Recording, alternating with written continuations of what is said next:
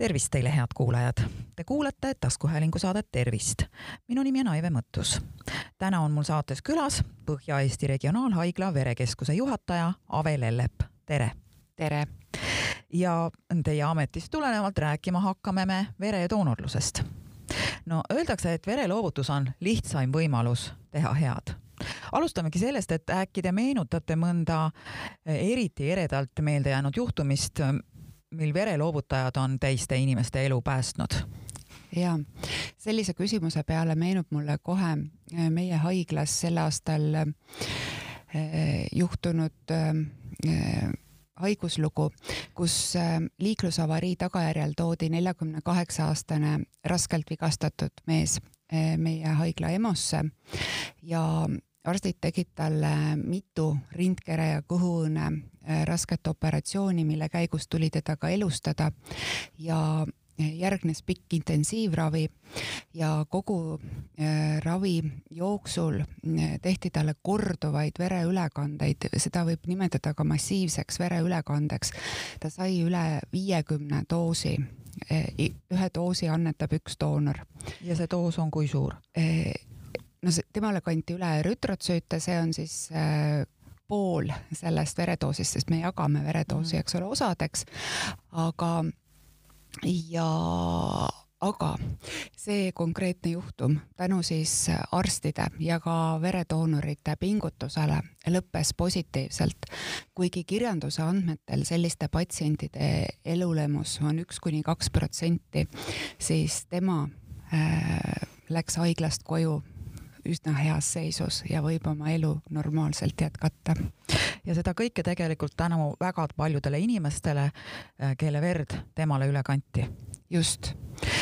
ma tahaksin siinjuures öelda veel seda, et sageli me teame, et et verd vajatakse just äh, traumade ja õnnetuste korral, kuid tegelikult kõige suurem ähm, patsientide grupp, kellele vereülekandeid tehakse, on hoopis onkoloogilised patsiendid ehk vähihaiged. et nemad saavad regulaarseid plaanilisi vereülekandeid oma seisundi stabiliseerimiseks ja ravi, keemiaravi toetuseks no siin jaanipäeva nädalal levis meedias uudis, et teie verevarud äh, olid väga kriitilised äh, tänu nendele vabadele päevadele, mis seal nädala sees olid, kui te ei töötanud, aga haiglad ju tegelikult töötasid ja igasuguseid äh, õnnetusi juhtus ja verd oli kogu aeg vaja. et kui suured teie verevarud tavaliselt on ja milline on siis see kriitiline seis juba mm? -hmm me kogume verd grupipõhiselt, et äh, põhilised veregrupid, äh, mida me jälgime, on siis AB0 ja reesuskuuluvus ja, ja verd vajataksegi ja just patsiendi veregrupi järgi ja selle põhiselt me neid ka kogume. meil on olemas siis oma kriitilised äh, varud ja optimaalsed varud ja me ei lase kunagi äh, langeda varudel alla kriitilise. aga tõepoolest, jaanipäeva järgsel nädala hommikul olid teatud veregrupid, just AB, A negatiivne, null negatiivne, langenud alla kriitilise ja seetõttu me olime väga murelikud ja tegime sellised üleskutsed. ja miks see juhtus, juhtus see, seetõttu, et äh, jaaninädalal oli äh, vähe tööpäevi, palju puhkepäevi, aga samas äh, haiglates olid kõik tööpäevad ja paraku juhtus nende pidustuste käigus väga palju traumasid, õnnetusi ja just oligi mitu A-negatiivset verejooksuga patsienti. ja aga tänaseks ma tõesti võin öelda, et meie head inimesed on reageerinud, doonorid on verd annetanud ja meie verevarud on stabiliseerunud. kuigi verd me vajame tõesti jätkuvalt, pidevalt, sest tegemist on bioloogilise materjaliga, mille säilivusaeg on piiratud. ja noh, eks neid inimesi, nagu te juba ütlesitegi, onkoloogilised haiged on need, kes vajavad seda kogu aeg plaaniliselt ja pidevalt. aga räägime natuke lähemalt veregruppide süsteemist. Te juba mainisite AB null ja siis ka reesuskuuluvust, kas negatiivne või positiivne, mida need tähendavad, need tähed ja plussid ja miinused? Teenused mm. -hmm. see tegelikult ma ütlen siinjuures, et veregrupi süsteeme on palju rohkem mm, -hmm. aga AB0 ja reesuskuuluvus on siis see, mida me kõige rohkem äh, tunneme ja mis on ka vereülekande puhul kõige olulisem. tegemist on tegelikult ka geneetilise tunnusega, see pärandatakse meile edasi vanematelt aga selleks, et mõista veregrupi pärandumist, äh, süsteemi ja äh, on vaja rohkem teada siis mm -hmm. geneetika aluseid. aga ja AB0 süsteemis äh, võib olla siis neli veregruppi A, B, null ja AB veregrupp. ja see tähendab seda, et A veregrupiga inimesel on rütrotsüütide ehk siis punaliblede pinnal vastav antigeen. Ja B-grupil on siis teine antigeen ja neid veresid omavahel ei saa miksida või segada, et siis tekib äh, organismis reaktsioon, veri hüübib ja tegelikult on see väga tõsine vereülekande järgne reaktsioon, mis võib su lõppeda surmaga. ja seetõttu on väga oluline jälgida eh, ka asenduste korral, milliseid veregruppe saab asendada, milliseid mitte. näiteks nullveregrupiga inimesele ei saa üle kanda mitte ühtegi teist eh, verd peale null eh, veregrupiga doonori verd. aga seevastu AB veregruppi me nimetame universaalseks äh, patsiendiks, sest temale võib tegelikult peale AB veregrupiga üle kanda ka teisi veregruppe, e, ilma et midagi juhtuks. kas mu arusaamine on õige, et äh, null veregrupiga inimesel neid antigeene rütrotsüütide peal ei ole, et järelikult tema verd võib teoreetiliselt teiste veregruppidega inimestele kanda? jaa, just nullreesus negatiivset me nimetame universaalseks doonoriks. see tähendab seda, et tema ise tohib saada ainult nullreesus negatiivse eh, doonori verd, aga tema verd võib üle kanda kõikide teiste veregruppidega patsientidele muidugi me alati eelistame kindlasti eh, grupipõhist vereülekannet, aga kriisiolukordades kasutame asendusi. no milline see veregruppide esinemissagedus on? mm -hmm. elanikkonna hulgas, kui palju on, kui palju on A, palju B, palju null inimesi? just, meil Eestis on kõige sagedasem null ja A vere, A-grupiga inimesed ja reesuskuuluvuse põhjal on ka valdavalt oleme reesus positiivsed kuskil, kuskil kolmteist protsenti elanikkonnast on reesus negatiivsed. siinjuures on huvitav äh, märkida seda, et äh, Aasia riikides on reesus negatiivseid alla ühe protsendi. nii et kui reesus negatiivsed inimesed sõidavad Aasiasse, peavad sellega arvestama, et seal reesus negatiivset vereülekannet saada on väga keeruline aga noh, ilmselt on seal ka haiglad tegelikult selleks ikkagi valmis. no neid ka patsientide hulgas on reesusnegatiivseid vähem, nii et tasub sõtta mm -hmm. kaasa reesusnegatiivne sõber, kes, kes ja. saab verd loovutada vajadusel või mitte mm -hmm. sattuda õnnetusse. no kuidas sellega on, kas ma peaksin tavakodanikuna oma veregruppi teadma, mis kasu mul sellest on? ei, noh, tegelikult äh, ei pea otseselt, et ega sellest midagi ei juhtu, kui ei tea, sest kui inimene vajab vereülekannet haiglas, siis niikuinii määratakse äh, veregrupp. Äh, ka siis, kui te teate ja, ja ka doonoriks võite tulla ka siis, kui te oma veregruppi ei tea, sest me seda kindlasti seal määrame ja siis te saate selle teada no nii, aga jõudsimegi veredoonorluse juurde ja doonorite juurde. et nüüd on küsimus, kes vereloovutajaks sobib ja kes mitte mm. -hmm. üldiselt sobib doonoriks äh, iga terve inimene, kes on puhanud, söönud, kes tunneb ennast hästi ja soovib verd loovutada. ta peab olema kindlasti kaheksateist kuni kuuekümne aasta vanune. Äh, vereloovutust võib jätkata äh, kuni kuuekümne viienda eluaastani ja lisaks ta peab olema kindlasti ka Eesti Vabariigi kodanik või elanud siin elamisloa alusel kolm kuud et juhuslikud või turistid ei ei saa olla eh, doonorid. et see on nagu vere turvalisuse huvides oluline? jaa, kindlasti mm. -hmm aga nüüd viimasel ajal, just tegelikult sellel nädalal tõenäoliselt siis seoses selle uudisega, et verd on puudu ja tulge inimesed annetama, kerkis meedias üles ka selline küsimus, et homoseksuaalsed mehed, kes on viimase aasta jooksul olnud anaalvahekorras, vot nemad doonoriks ei sobi. miks see nii on mm? -hmm ja loomulikult on Verekeskus huvitatud sellest, et kõik need inimesed, kes soovivad olla doonorid, saaksid ka verd loovutada.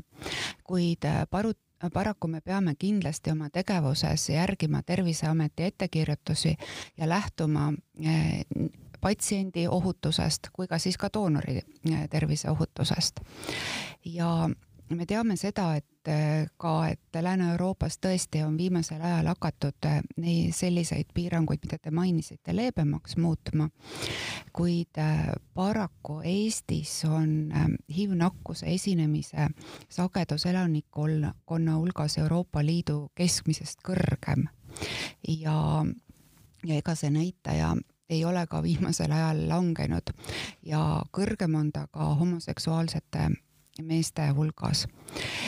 ja kui aga epidemioloogiline olukord Eestis muutub e, ja me väga loodame, et see muutub e, paremuse suunas ja Terviseamet e, ka vastavaid andmeid kogub ja, ja me saame sellele tuginedes siis oma piiranguid ka leevendada, et kindlasti me seda siis ka teeme, kui meil on selleks alust no ma saan aru, et tegelikult seda verd, mida te doonoritelt saate ja enne kui see veri ülekandeks läheb abivajajale, ikkagi kontrollitakse väga-väga hoolega ja see kõik peab olema väga turvaline, aga siiski paljuski mitte paljuski, vaid just nimelt selles küsimuses, eh, mis puudutab siis homoseksuaalsust ja anaalvahekorda, te saate tegelikult tugineda ainult ju selle inimese aususele no nii ongi.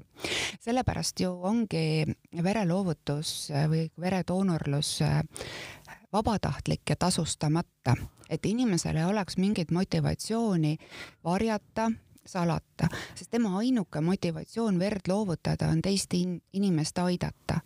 ja sama, ja loomulikult me kasutame väga kõrgetasemelisi testsüsteeme, tehnoloogiaid vere testimiseks, uurimiseks, me teeme kõikide nende nakkuste osast iga kord, igal vereloovutusel uuringud, mis on ette nähtud ja vajalikud. aga eh, ükski test ei ole sajaprotsendiline mm, -hmm. me ju kõik teame seda ja seetõttu on täpselt sama oluline ka see küsimustik, mida eel, enne vereloovutust täidetakse, see vestlus meditsiinitöötajaga, läbivaatus ja see ausus mm. -hmm.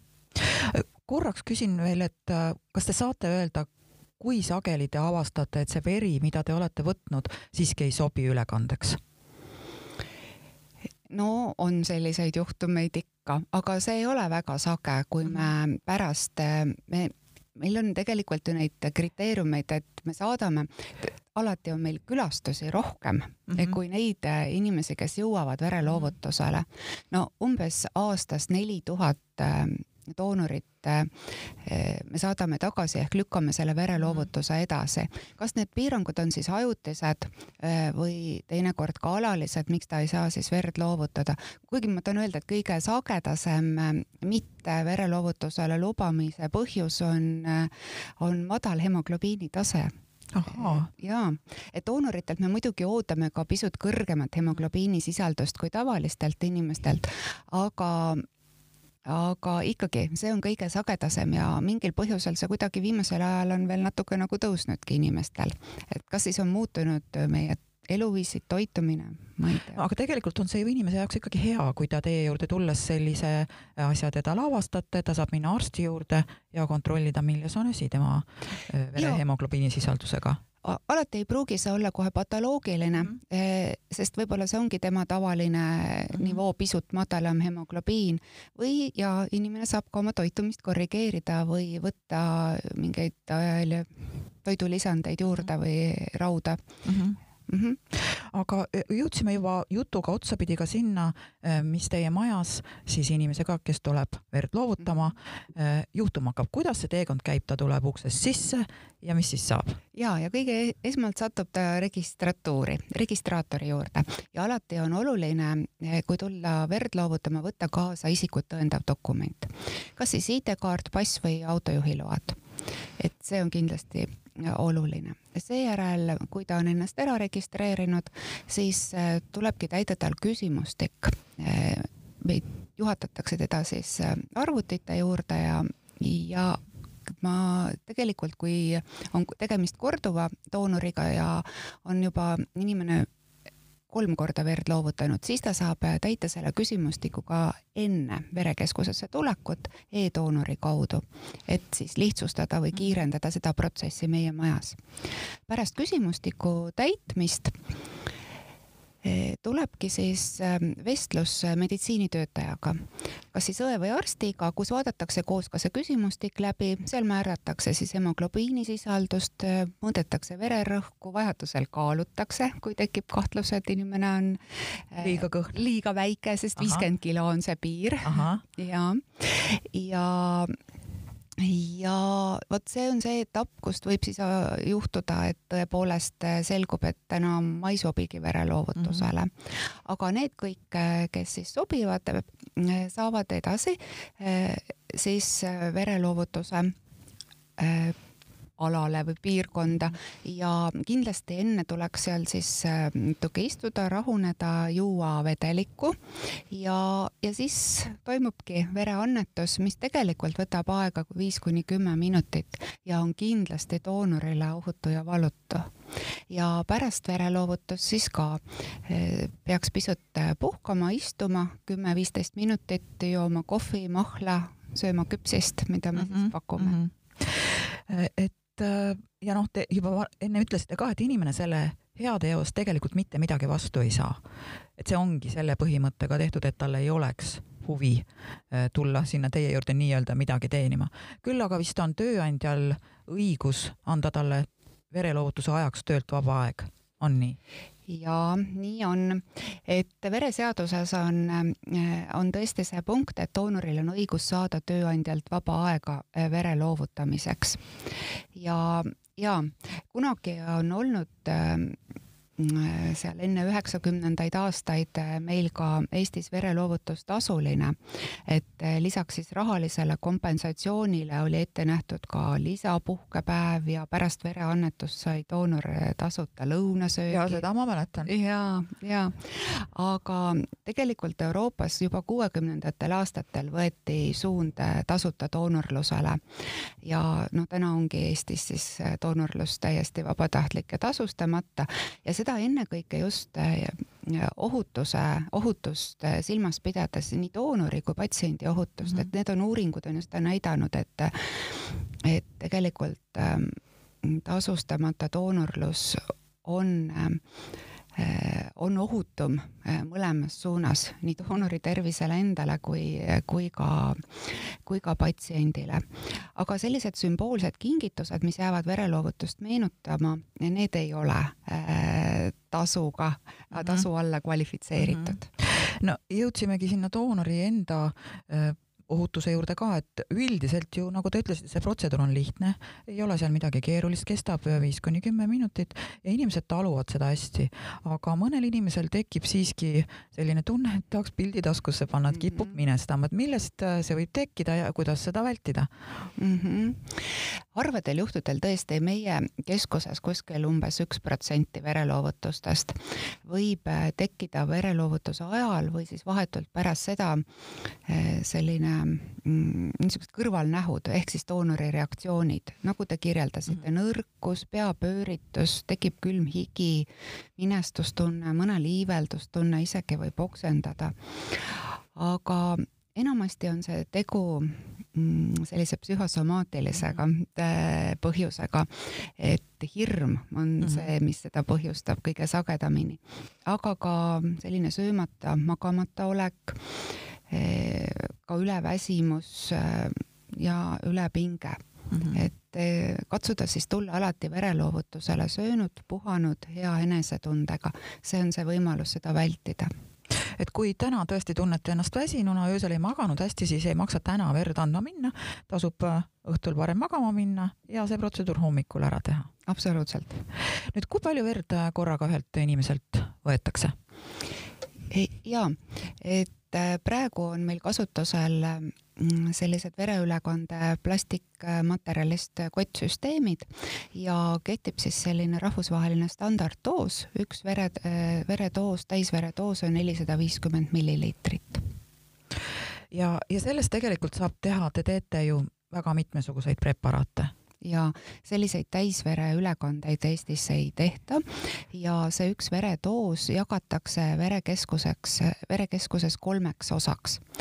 ja need on siis punalibled, mida me säilitame kahe kuni kuue kraadi juures vastavas säilituslahuses siis äh, kuni kolmkümmend viis päeva. Siis äh, verelistakud ehk trombotsüüdid, äh, neid sel-, säilitame Eh, niisugustel spetsiaalsetel loksuvatel riiulitel kahekümne kahe kraadi juures kuni seitse päeva ja siis vereplasma on kolmas komponent, mida me säilitame sügavkülmikus miinus kahekümne viie kraadi juures kuni kolm aastat. noh, siis tegelikult võib veel Äh, tükk aega pärast seda keegi minu verest abi saada, kui ma olen seda verd käinud andmas. absoluutselt, loomulikult. ja ongi nii, et tegelikult ühest vere, teie annetatud ühest veredoosist võib abi saada kolm erinevat patsienti mm. -hmm. aga need loksuvad riiulid trombotsüütidel on selleks, et veri ei hüübuks? E, need on, trombotsüüdid vajavad sellist loksutamist, et elus püsida. Need on äh, sellised vereliistakud, äh, mis aitavad kaasa siis vere hüübimisele mm. -hmm. aga no muidu ju, kui, kui ma võtaksin verd, laseksin klaasi sisse, noh, haadrit on ju, see mm. hüübiks ju kohe ära, kuidas, kuidas te tagate, et veri ei hüübi nendes ei. plastkottides?